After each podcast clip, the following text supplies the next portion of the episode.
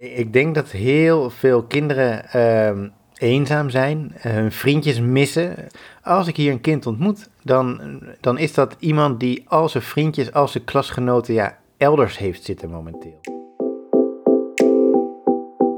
Dit is Recht van Spreken, de podcast over kinderrechten van Defense for Children.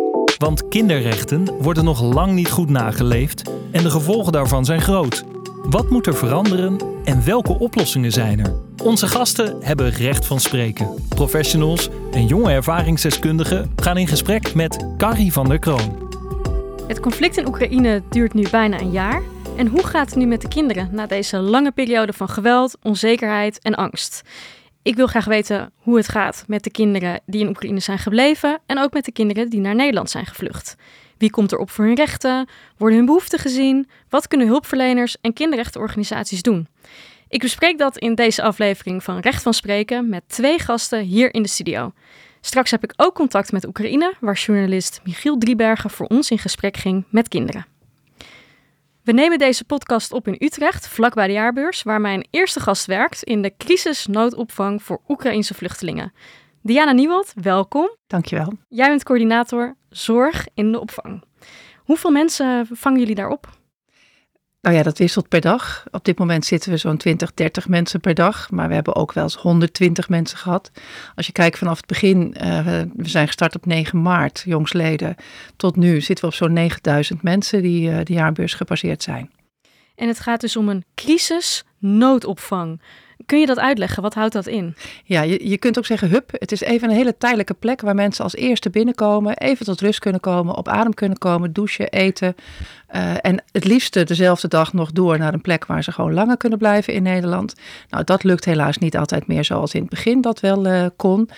Um, maar in principe langer dan een paar dagen is niet de bedoeling dat ze bij ons blijven. En dat is dus de crisisnoodopvang. Dan komen ze in de noodopvang terecht. Dat zijn de gemeentelijke opvanglocaties. En daar kunnen ze een aantal maanden verblijven. Oké, en wat is jouw rol precies uh, in deze hub? Ik ben uh, coördinator van de zorg. Uh, ik heb het geluk gehad dat toen we startten de gemeente Utrecht zorg heel erg belangrijk heeft gevonden. en mij belde van Diana B beschikbaar. nou ja, graag zelfs. voor deze leuke opdracht in deze immens ingewikkelde, maar vooral voor de Oekraïners moeilijke omstandigheden. Dus het is vreselijk dat het moet. Maar als iemand het moet doen, dan steek ik graag mijn hand op. En um, ik heb uh, mee mogen helpen daar samen met een heel team van mensen om de zorgpoot op te zetten. Dat betekent dat we nu een volledig team hebben staan met uh, verpleegkundigen, artsen en zorgcoördinatoren. Wat we eigenlijk vanaf dag één hebben opgebouwd en steeds verder hebben doorontwikkeld. Hartstikke mooi. En we gaan straks ook verder hebben over de opvang in Nederland, hoe die geregeld is. We zijn er ook geweest, dus daar gaan we zeker straks uh, meer over uh, doorpraten. En ook hier te gast is mijn collega Marie-Christine Alting van Geusau, juridisch medewerker kinderrechten en migratie bij Defense for Children. Jij hebt recent een verkennend onderzoek gedaan naar Oekraïnse kinderen die zonder ouders in Nederland zijn. Welkom Marie-Christine en kun je allereerst schetsen over hoeveel mensen hebben we het in Nederland en, en waar verblijven ze? Nou, op het moment zijn er 86.000 Oekraïners in Nederland geregistreerd. En uh, iets meer dan een derde is kind. Door de Europese richtlijn tijdelijke bescherming hebben deze mensen eigenlijk direct rechtmatig verblijf in Nederland. Zij hoeven in principe alleen een sticker op te halen in Ter Apel bij de Immigratie- en Naturalisatiedienst. En de Oekraïnse kinderen komen daarmee eigenlijk direct in de samenleving terecht, in de veiligheidsregio's en gemeenten. Uh, en worden dus niet opgevangen door het Centraal Orgaan Opvang Asielzoekers. Oké, okay, en wat heb jij verder onderzocht in jouw uh, verkennende onderzoek? Nou, het onderzoek blijkt dat veel kinderen uit Oekraïne kampen met psychosociale problemen. En daarom is het eigenlijk heel belangrijk om hun kwetsbaarheid en zorgbehoeften goed in beeld te brengen.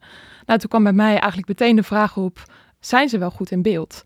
Nu we te maken hebben met een heel nieuw gedecentraliseerd opvangsysteem voor Oekraïners, uh, waarbij, eigenlijk de overkoepelende blik mist. Nou, in mijn onderzoek heb ik ons onderzocht welke routes de kinderen bewandelen als ze in Nederland aankomen en zijn. En bij wie ze in beeld zijn, wat de knelpunten zijn in het systeem, uh, maar ook wat de good practices zijn. Als kinderenrechtenorganisatie vinden wij het heel belangrijk dat zij de juiste zorg, opvang en onderwijs krijgen in Nederland, omdat ze daar recht uh, op hebben op basis van het VN-kinderrechtenverdrag. Nou, door onderzoek te doen uh, naar hun situatie en de aanbevelingen te doen, hopen we eigenlijk de situatie van deze kinderen in Nederland te verbeteren. Ik zie Diana ook uh, knikken. Wil je daarop op reageren of iets aan toevoegen? Ja, nee, ik, ik onderschrijf het van harte dat dat uh, goed geregeld moet zijn. En het feit dat er een onderzoek nodig is om dat te checken, suggereert al dat er mogelijk uh, iets hapert. Nou, uh, Marie-Christine zal uiteraard veel meer over het onderzoek gaan vertellen. Zij weet ook veel meer dan ik. Maar wat ik wel heb gezien in de eerste hectiek van het gebeuren, is dat eigenlijk iedereen het eigen wiel heeft uitgevonden. En daarbij het niet vanzelfsprekend was dat ook minderjarige kinderen echt goed helder in het vizier zijn geweest. Dus daar heb ik mij in het begin zeker wel zorgen over gemaakt. Ja, daar waar het hapert, daar gaan we straks ook nog uh, goed naar kijken. Maar we gaan nu eerst uh, naar Oekraïne. We hebben contact uh, met Michiel Driebergen. Want miljoenen kinderen zijn nog in het land en die hebben te maken dagelijks met de impact van, van het conflict. Veel kinderen zijn op de vlucht binnen het eigen land, maar ook daarbuiten. En journalist Michiel Driebergen is in Kharkov en hij vertelt wat de belangrijkste problemen zijn waar kinderen in Oekraïne op dit moment mee te maken hebben. Ja, het is hier koud. Het is zoals de Oekraïense winter hoort te zijn. Min 5 overdag en min 15 uh, s'nachts. Het enige verschil is, want ik kwam hier vroeger dus ook al veel, is dat er voorheen altijd kinderen buiten speelden. Als er sneeuw valt in de winter bijvoorbeeld, gaan kinderen sleetje rijden of uh, sneeuwballen gooien, zoals onze kinderen dat in Nederland ook doen. Maar nu zie je eigenlijk helemaal geen kinderen buiten. Amper, heel erg nu en dan. Het is veel stiller op straat in het algemeen al. Ja, en vooral vrouwen en vooral kinderen zijn uit de stad vertrokken, zijn weggegaan, zijn gevlucht. En de kinderen die er zijn, die worden zoveel mogelijk thuis gehouden. Dat is mijn ervaring, zeker in de oostelijke delen van Oekraïne. Ouders beschouwen de straat als onveilig. Dus het is echt stil op straat, geen spelende kinderen. Ook niet in de speeltuin hier, die ik uit mijn raam nu zie. En uh, de kinderen die er nu uh, zijn, die nu nog daar zijn in Oekraïne, hoe gaat het daarmee? Ik moet zeggen, ik denk niet zo goed. Uh, ik denk dat heel veel kinderen uh, eenzaam zijn, hun vriendjes missen. Als ik hier een kind ontmoet, dan, dan is dat iemand die al zijn vriendjes, al zijn klasgenoten ja, elders heeft zitten momenteel. Die spreken ze dan vaak nog wel. Hè? Bijvoorbeeld als ze naar school gaan, ja, dan doen ze dat online. Zeker in steden zoals dit, in het oosten van Oekraïne waar ik nu ben ja, dan daar is geen offline school. Dus kinderen kunnen niet naar school, mogen niet naar school. Dat is ook echt verboden. Dat is te gevaarlijk, wordt dat eh, beschouwd door de autoriteiten. Ja, dus kinderen hebben online school en dat is vaak wel dan met hun voormalige klasgenootjes. Uh, maar die zijn dan heel ver weg, hè, in Polen of in Nederland of in het westen van Oekraïne. Online les. En dan zijn er ook nog regelmatig problemen met het internet. Hè? Kijk, eh, momenteel worden er raketten afgeschoten op de elektriciteitsvoorziening. De elektriciteit valt uit, dan valt vaak de wifi ook uit. Het internet werkt niet meer, heb ik vaak zelf ook meegemaakt. Um, dus ja, wat dan? Hè? Dan kun je dus zelfs online geen les volgen. Nou, vaak gebeurt er dan nog wel telefonisch als er verbinding is. Hè? Dan belt de juf bijvoorbeeld, maar de juf is ook gevlucht vanuit Polen de kinderen op. Van nou, probeer dat en dat boek tot je te nemen. Probeer die, hè, dat offline uh, materiaal op de computer misschien toch te lezen. En dan hopen we over drie dagen weer contact te hebben. Ja, er zijn natuurlijk, je kunt je voorstellen, we hebben natuurlijk de COVID-tijd in, in Nederland meegemaakt. Daar hebben, daar hebben we iets van meegekregen. Dat hebben ze hier ook meegemaakt. En nu hebben ze natuurlijk enorme achterstanden. De kinderen kunnen eigenlijk vaak geen normaal les krijgen in Oekraïne. Ja, dat is een ontzettend ingewikkelde situatie. En wat krijgen kinderen zelf mee van, uh, van wat er nu gebeurt, wat er allemaal speelt? Ik moet zeggen, uh, veel kinderen zijn gevlucht of geëvacueerd. En dat is natuurlijk goed. Hè? Dus in die zin van de echte oorlog, dus raketten, artillerie, dat soort dingen, frontplaatsen, uh, hoe dat daar gaat met militairen, et cetera. Daar krijgen veel kinderen gelukkig niks van mee. Er zijn natuurlijk enkele kinderen die wonen in frontdorpen, die heb ik zelf ook ontmoet. En dat is natuurlijk een vreselijke toestand. Maar de meeste kinderen zijn ver in die zin van het strijdtoneel. Maar ja, online, kijk, het zijn dezelfde kinderen als de kinderen in Nederland, hè, of waar dan ook in de moderne wereld, zeg maar. Kinderen hebben smartphones, zitten op TikTok. Uh, en, en, en zien en horen eigenlijk dezelfde dingen als die ik zie hè, als journalist. Ja, ik volg natuurlijk het nieuws, en, maar die kinderen die weten ook alles. En uh, ja, dat, dat, dat, dat, dat maak je elke keer mee als je met kinderen praat. Kinderen weten gewoon wat oorlog is. Ik heb zelf ook voor, uh, voor jullie met wat kinderen gesproken een paar dagen geleden. Eh, wat denk ik de grootste gevolgen zijn voor kinderen, dat is, dat is de eenzaamheid. Wat ik al zei, het missen van vriendjes. Laten we even luisteren. What is your name? My name is Archib. Archip, my name is Michael. Nice to meet you. How old are you? Eight. Eight years old. Waar kom je vandaan? Chasevjar. jaar. Donetsk Oblast. En hoe lang ben je al hier? 9 місяців. Negen maanden, 9 місяців. Все время з ними перезванюємося. Дуже страшно, там дуже с- сильні эти е, вибухи. Ja, mis zijn grootouders, opa en oma, zijn achtergebleven in de Donbass. En daar is het heel erg gevaarlijk, veel explosies. Вообще сидим, стараемся меньше ходить, сидим в квартире. Онлайн обучение у нас. Veel thuiswerken, alle school is online. En eh, ja, weinig met vriendjes spelen ook. Dat is het leven in Oekraïne nu. Hello, what is your name? Анна. Anna. How old are you? Nine. Nine years old. Hoe gaat het met je? How are you doing today?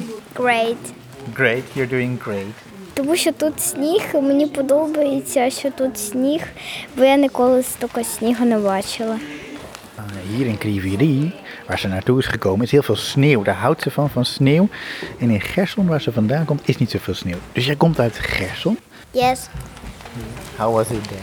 Там багато друзів, я в школу ходила, мені там дуже подобалось. Ja, ik had veel vrienden daar. We gingen daar naar school. En dat beviel me erg. Hoe is het hier? Нормально, але вдома лучше. В Херсоні. Ja, ja, het is hier oké, maar in Gerson, thuis, is het beter.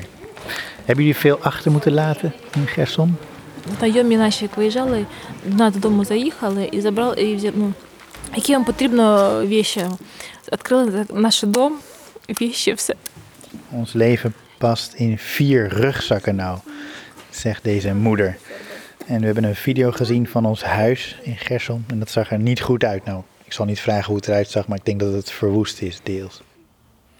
Ja, je hoort, dit zijn moeders. eh, en wat je dus ook ziet, is dat kinderen meestal met hun moeder zijn. De vaders zijn vaak of in het leger. Er zijn natuurlijk een paar honderdduizend mannen. En dat zijn meestal mannen. Er zijn ook wel vrouwen in het leger. Maar er zijn meestal mannen in het leger. Die zitten in het leger. Die vechten ergens aan de front. Of die staan ergens bij een controlepost.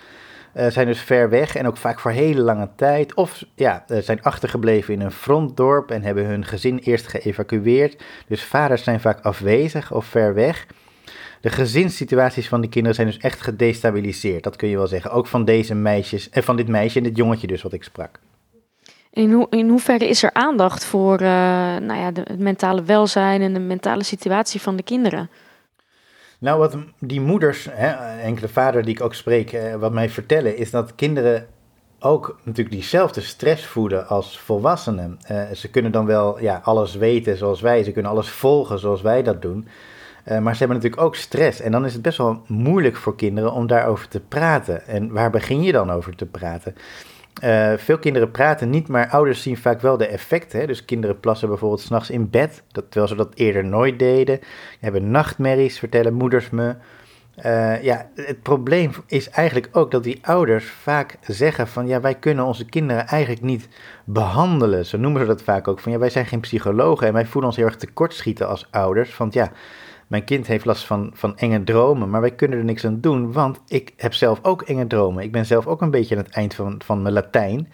Ik ben zelf natuurlijk ook vluchteling, hè, zeggen die ouders. En ja, hoe, hoe bedien je dan, hoe behandel je je kinderen? Hoe ga je met je kinderen om?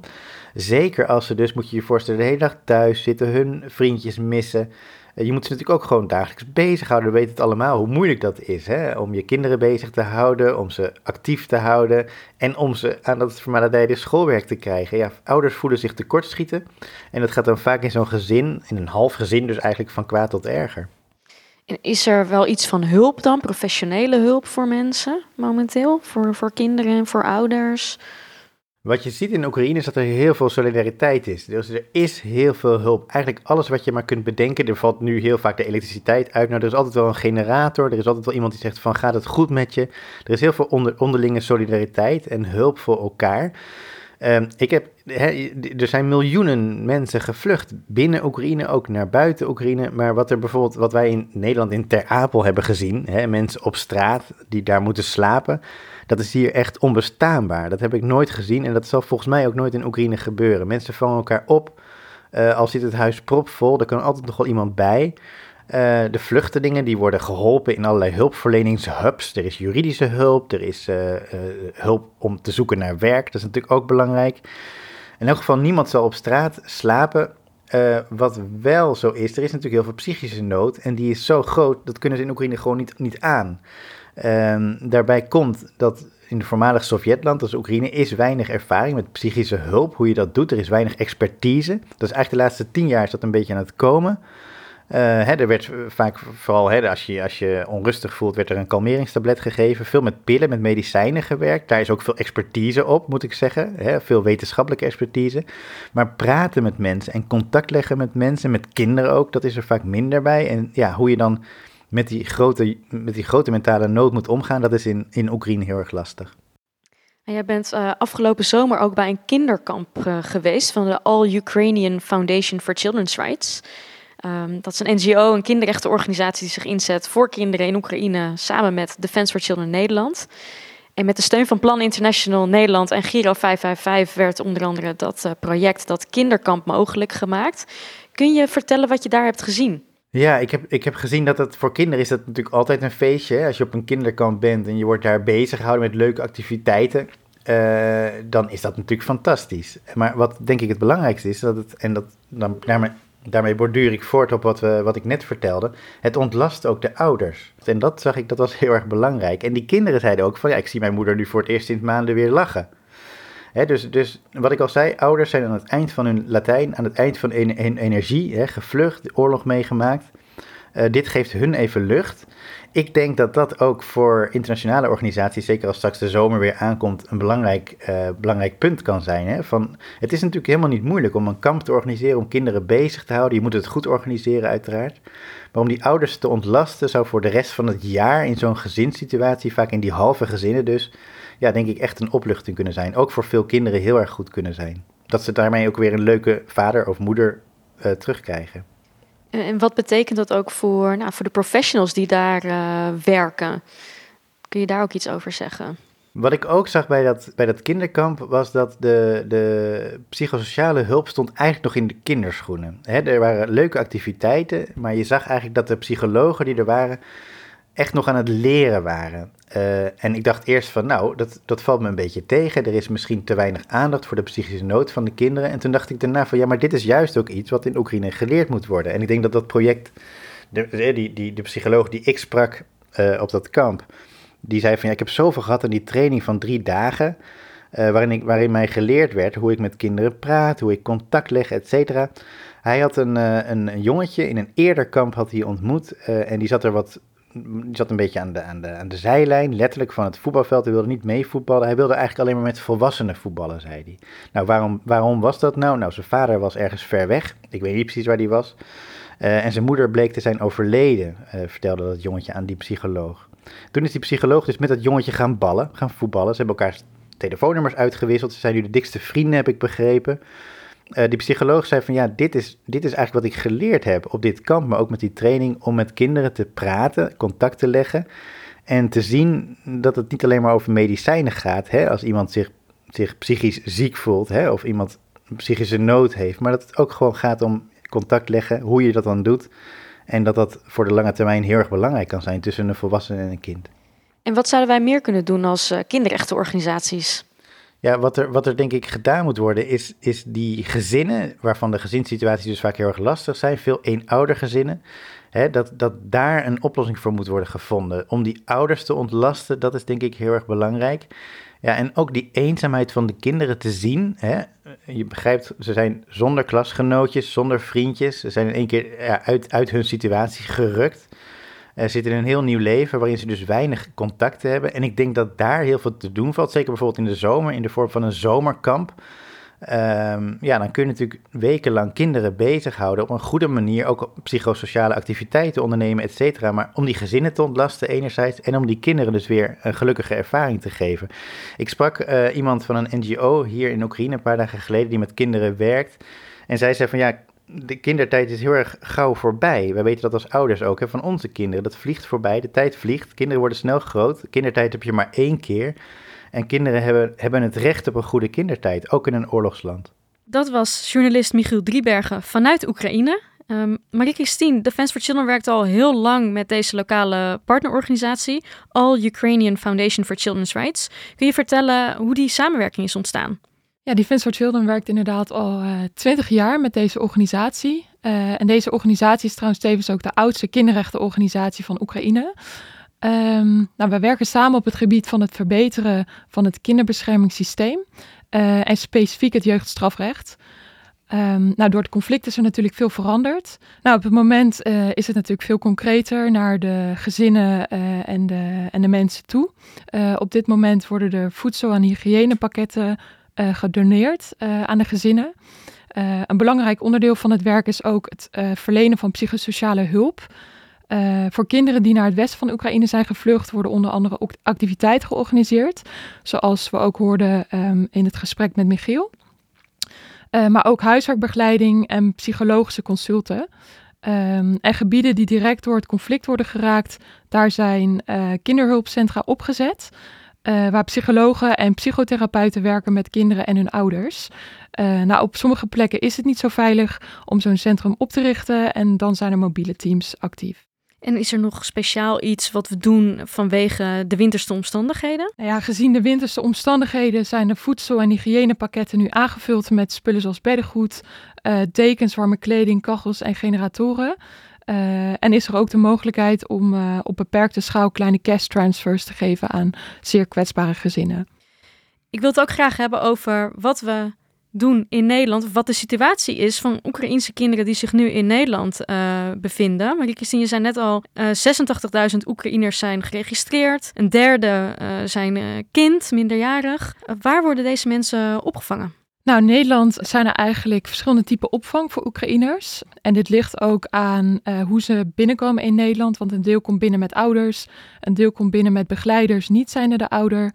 En een deel komt onbegeleid binnen, dus uh, zonder een ouder of een, uh, een begeleider. Vaak komen ze binnen via een hub, zoals Diana ook al zei, de crisisnoodopvang. en op dit moment bevinden zich ongeveer 170 Oekraïners in de crisisnoodopvang. 65.000 worden opgevangen in de gemeentelijke opvang. En ongeveer 19.000 worden opgevangen in de particuliere opvang, ook wel de gastgezinnen. En tot slot worden ongeveer 100 kinderen via Nidos opgevangen, omdat ze daar onder voogdij staan. Nou, het hele proces verloopt dus anders dan voor kinderen gevlucht uh, uh, uit Oekraïne, dan voor de kinderen die gevlucht zijn uit andere landen. Ja, in dit geval zijn de veiligheidsregio's en de gemeente dus verantwoordelijk en niet, uh, niet de IND en COA. Oké. En Diana, jij werkt dus bij die crisisnoodopvang van de veiligheidsregio Utrecht in de jaarbeurs. En hoeveel mensen hebben jullie daar sinds het begin van het conflict opgevangen? Ja, ik zei net zo'n 9000 en toen ik Marie-Christine hoorde zeggen 86 uh, in totaal, dacht ik nou dat is zo'n 10% is langs ons in de jaarbeurs gekomen. En wat voor mensen komen daar uh, allemaal voorbij? We waren er net en ik zag inderdaad al van alles uh, voorbij komen en aankomen. Ja, nou, je zag ook de kinderen spelen. Ja. We hebben heel veel kinderen gezien de afgelopen negen, tien maanden. Wat is het eigenlijk? We zitten al bijna nou, tien maanden denk ik, vanaf maart. Uh, heel veel kinderen voorbij zien komen, al of niet met hun ouders, al of niet met ooms en tantes, uh, maar ook complete gezinnen, uh, veel oudere mensen. De laatste tijd komen er ook weer wat meer mannen. ja, die, niet zagen we ook net. Ja, precies. Dus dat, het, het is ook wel in, steeds veranderd, zeg maar. In het begin waren het echt vooral vrouwen en kinderen. Ja, Jij bent coördinator zorg. Uh, ja, hoe was dat in die eerste weken toen ineens mensen aankwamen en ook misschien wel in redelijk grote aantallen in één keer. Hoe, ging dat? Uh, je handelt naar bevind van zaken. Je kijkt wat er op je pad komt. En je hebt geen idee wat er op je pad komt. Natuurlijk wisten we dat er in Oekraïne bepaalde ziekten meer voorkomen dan in Nederland. Dus daar ben je dan wel op voorbereid. Maar verder, je weet niet wat er binnenkomt aan mensen. Je weet ook, het is een oorlogssituatie. Dus de kans op trauma's is gewoon heel erg groot. Uh, maar zeker in het begin zagen wij de mensen echt maar heel erg kort. En dan is het soms best lastig om dan eruit te vissen uh, waar eventuele problemen zijn. Wat er wel gebeurt is dat als mensen bij de jaarbeurs binnenkomen, dan worden ze geregistreerd. Hè, als de paspoortcontrole allemaal uh, goed verlopen is, dan worden ze geregistreerd in ons veiligheidsregiosysteem. Um, en daar staat ook een vraag met een vinkje van is er zorg nodig? En als het vinkje op ja staat, dan weten wij vanuit het zorgteam, dan moeten wij met deze mensen in gesprek gaan. En dan gaan wij achterhalen wat is er dan precies nodig. Nou, soms is het alleen medicatie wat op is. Uh, soms is het uh, echt ook uh, trauma's die opspelen, verdriet. Hè. We hebben ook mensen gehad die net hun man of broer of vader verloren zijn in de oorlog en die dan in Nederland komen. Ehm, dus het, het, kan op alle vlakken zijn uh, dat mensen dan bij ons aankloppen. We hadden wel van begin af aan vrijwel direct helder dat ook die medische zorg heel erg van belang was. Hè. We zien heel veel psychosociaal, dus heel veel trauma's. Maar we zijn ook verslaving en psychiatrie tegengekomen.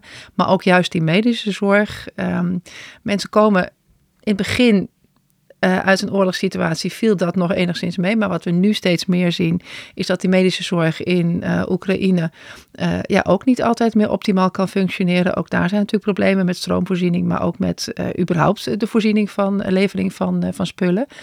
Als het ziekenhuis zelf nog overeind staat, dat is ook niet meer overal zo. Um, dus wat we wel zien is dat er ook steeds meer medische vragen kwamen. Dus ik ben ook heel blij dat we iedere dag van 1 tot 5 ook een arts op locatie hebben. Mm -hmm. Je vertelt al een beetje inderdaad hè, dat, dat het dus uh, is gaan veranderen. Het aantal mensen, de, de, zorgvragen die nu binnenkomen in vergelijking met uh, maart uh, afgelopen jaar. Ja. Um, zijn er nog andere verschillen in hoe de situatie nu is en hoe die was zoveel maanden geleden? Ja, weet je, de oorlog, mensen hebben de oorlog aanzien komen. Dat hebben we natuurlijk eigenlijk allemaal gezien in Europa. Dat op een gegeven moment wisten we, het gaat binnenkort, het gaat snel gebeuren. Um, en mensen hebben de tijd gehad om spullen in te pakken om te gaan vluchten. Dus zeker in het begin zagen we mensen die best wel veel spullen bij zich hadden. Nou ja, relatief veel. Je kan niet alles in een aantal koffers stoppen wat je in je huis hebt staan. Maar toch relatief veel spullen om een, periode te kunnen overleven bij zich hadden. En wat we nu zien is dat ook mensen rechtstreeks uit de schuilkelders komen. En eigenlijk alleen bij zich hebben wat ze aan hadden. Uh, aan hebben. Uh, en ook een huisdier wat ze nog uh, mee hebben genomen naar de schuilkelders. Ja, dat is echt wel een wezenlijk verschil. Daarbij zien we nu ook dat mensen veel meer gezien hebben en meegekregen hebben van de oorlog dan in die beginsituatie. daar was al sprake van trauma's. Nou, dat is eigenlijk de afgelopen periode alleen maar veel heftiger geworden. Ja, ja toen je ons net de rondleiding gaf bij de kiezersnoodopvang, zagen we inderdaad één man met alleen een rugzak aankomen die door de tolk werd bijgestaan en werd geregistreerd. Wat mij ook opviel meteen was, we zagen wat kinderen lopen, rennen, spelen en ook volgens mij Oekraïnse liedjes zingen en, en dansen. En we horen nou, dat veel kinderen met psychosociale klachten ja. kampen, die ik zo snel niet aan de buitenkant heb kunnen zien, maar die er ongetwijfeld zijn. En hoe, hoe gaan jullie daarmee om? Ja, gelukkig is het zo dat kinderen ook vrij snel wel de draad van het spelen op kunnen pakken. Alleen kan je in het spelen ook veel dingen signaleren.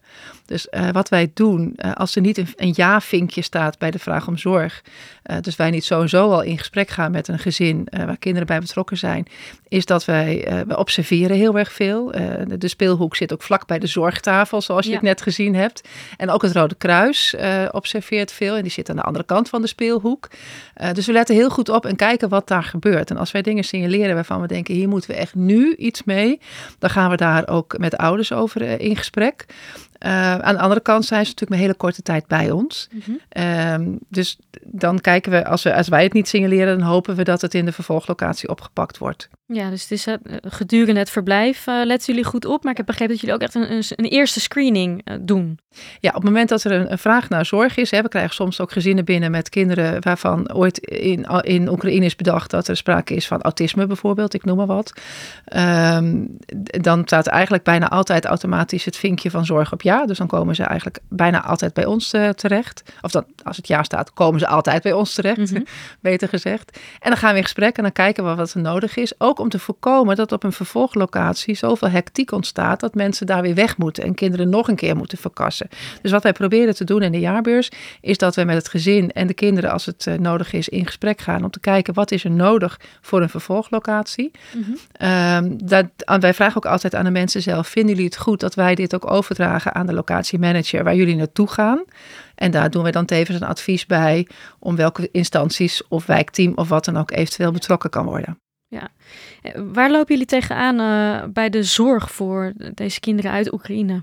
Um, wat wij zien is als wij mensen, uh, dus kinderen doorplaatsen zeg maar naar andere regio's en dus ook een warme overdracht doen vanuit de zorgteam en de jaarbeurs naar de locatiemanager, is dat locatiemanagers vaak helemaal geen, geen uh, oog hebben voor de zorg. Ook omdat ze daar niet op aangenomen zijn. Het zijn, het zijn mensen die een locatiebeheerder zijn. En daar, is, oh ja. daar is niks mis mee, die heb je nodig. Maar met name dat die, die zorgtak binnen de gemeentelijke opvanglocaties, dat begint pas nu een beetje op gang te komen, heb ik het idee. Echt een andere tak van sport. Uh, absoluut, absoluut. Ja. Ieder zijn vak. Uh. Marie-Christine, we waren net samen um, op bezoek bij de crisisnoodopvang. Uh, wat is jou opgevallen of bijgebleven? ja, wat me opviel is inderdaad wat jij al zei, dat de zorgcomponent heel mooi is ontwikkeld. in Utrecht, dat je echt een huisarts aanwezig hebt, een heel zorgteam, ook het Rode Kruis aanwezig om bij de speelhoek dus, zodat ze vanuit daar ook dingen kunnen signaleren. En wat ik ook wel bijzonder vond, is dat, um, ja, dat er een gebedshoek is waar mensen een kaarsje kunnen opsteken. Uh, en dat is omdat jij, Diana, daar ook zo voor gepleit had. En uh, dat vind ik ook wel mooi, dat mensen daar ook een soort van even een moment uh, van rust en stilte en hoop omdat natuurlijk veel mensen familie en vrienden hebben achtergelaten. Dus ik denk dat dat ook een plek is waar je hoop kan putten. Nou, ik heb uh, inderdaad onderzoek gedaan. Uh, en eigenlijk een van de belangrijkste bevindingen in mijn onderzoek is dat, dat er eigenlijk een groot gebrek is aan een kwetsbaarheidsscreening. En dat, dat het bij jullie toevallig wel goed gaat, maar dat het in heel, veel gevallen eigenlijk niet goed gaat.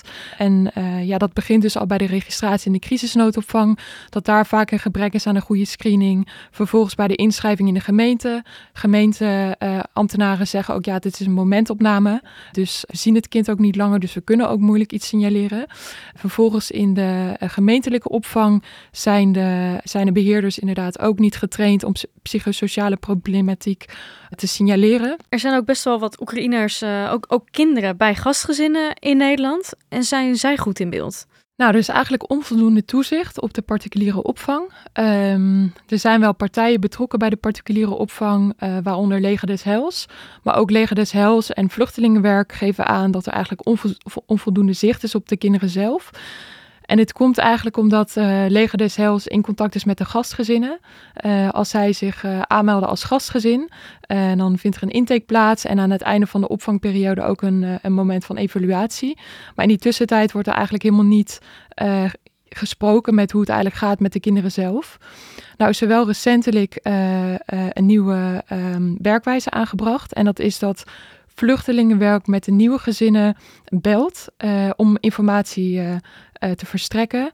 Uh, en dat is eigenlijk ook voornamelijk omdat uh, Leger des Heils merkt um, dat er heel veel psychosociale problemen zijn, maar dat er eigenlijk bijna niemand om hulp vraagt. En ze zijn nu aan het onderzoeken of het dan ligt aan, oké, okay, misschien hebben ze niet goed geïnformeerd. Mm -hmm. Dus er staat nu ook een survey uit in de particuliere opvang om te kijken hoe vaak is nu uh, preventieve hulpverlening genoemd en hoe vaak wordt er gebruik gemaakt van, uh, van hulpverlening. Um, maar dus ik denk dat het wel mo een mooie ontwikkeling is. Uh, maar er kan inderdaad nog veel, uh, veel ja. verbeteren. Jij hebt ook gekeken, Marie-Christine, naar de kindvriendelijkheid van de gemeentelijke opvang. Kun je daar iets meer over vertellen? Nou, de gemeentelijke opvang is eigenlijk vaak niet of nog niet kindvriendelijk. Uh, nou, dit komt eigenlijk omdat de gemeente vanaf het begin verantwoordelijk waren om die, om die opvang op te zetten. En toen hadden ze nog geen heldere kaders hoe ze dat kindvriendelijk moesten doen. Uh, nu, zijn, uh, nu is er wel een checklist vanuit UNICEF uh, kindvriendelijke opvang. alleen die kwam eigenlijk veel te laat en toen bestonden er al allerlei hm. opvanglocaties. Nu merken we wel een omslag, dus dat gemeentes met het opzetten van nieuwe locaties daar wel meer aandacht voor willen hebben. maar op het moment is het dus nog ja, niet echt kindvriendelijk. En daarnaast is er ook niemand specifiek aangewezen in de opvang die toezicht houdt op het veiligheid en, wel, en het welzijn van deze kinderen. Dus dat is ook zeker een lobbypunt om, uh, om daar meer aandacht voor te hebben. Uh, ja, en er doet zich nu ook een nieuw probleem voor, omdat veel contracten met locaties aflopen. Vaak zijn die locaties, uh, is de contractstuur is een jaar. Uh, nou, dat loopt binnenkort af. Dat betekent dat de kinderen ook moeten verhuizen van de opvang naar een andere opvanglocatie. Weer een uitdaging voor de gemeente om weer nieuwe opvanglocaties op te zetten. Dus uh, ja, dat gaan we de komende tijd wel uh, terugzien. Dat de kinderen moeten verplaatsen en verhuizen. En dat komt natuurlijk ook helemaal niet ten goede van uh, ja, hun zorgtraject, die, die wellicht zijn opgestart. Maar ook school bijvoorbeeld. En misschien moeten ze wel veranderen van school. Dus dat zijn wel zorgelijke punten. Marie-Christine, je doet ook een flink aantal aanbevelingen op basis van het verkennend onderzoek dat je hebt gedaan. Ik wil graag de allerbelangrijkste aanbevelingen weten. Um, wat beveel je de landelijke overheid aan? Nou, ik sluit me helemaal aan bij wat Diana zegt.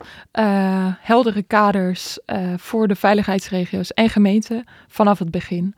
En de gemeente en de veiligheidsregio's, wat kan daar beter? Ehm, nou, zorg voor een goede kwetsbaarheidsscreening van kinderen in de, in de gemeentelijke opvang, maar ook in de particuliere opvang. En tot slot voor de particuliere opvang, de gastgezinnen, waar ook uh, Oekraïnse kinderen zitten.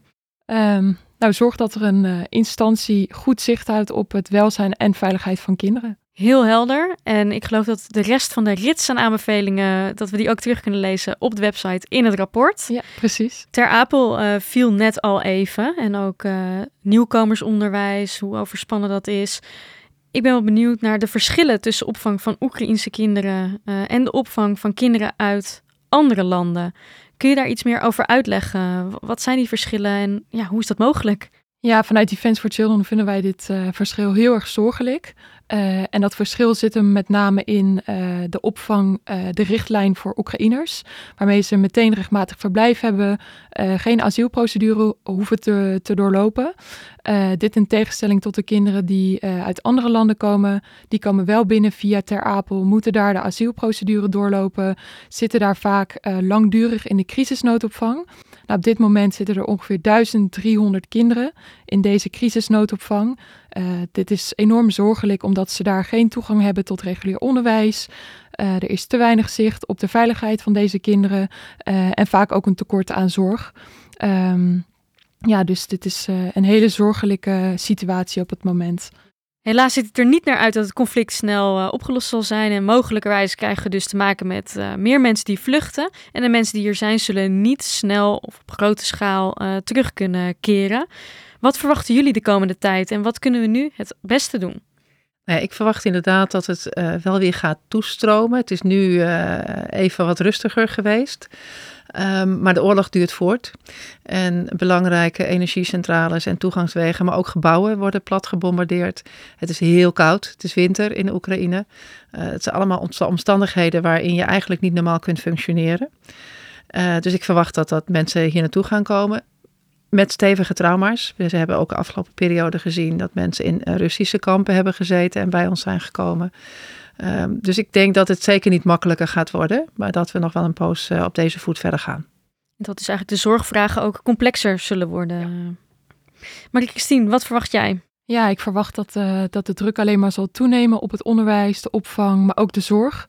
Uh, dus ik druk de overheid eigenlijk heel erg op het hart om een landelijke kinderrechtencoördinator aan te stellen die verantwoordelijk is voor het uniform implementeren van landelijk beleid wat betreft die opvang, zorg en onderwijs aan alle kinderen, zodat alle kinderen toegang hebben tot hun kinderrechten.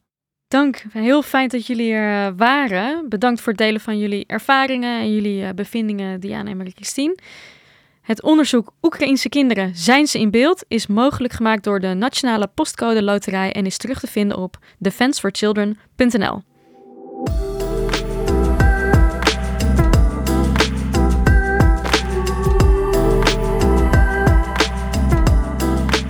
was Recht van Spreken, de podcast over kinderrechten van Defense for Children.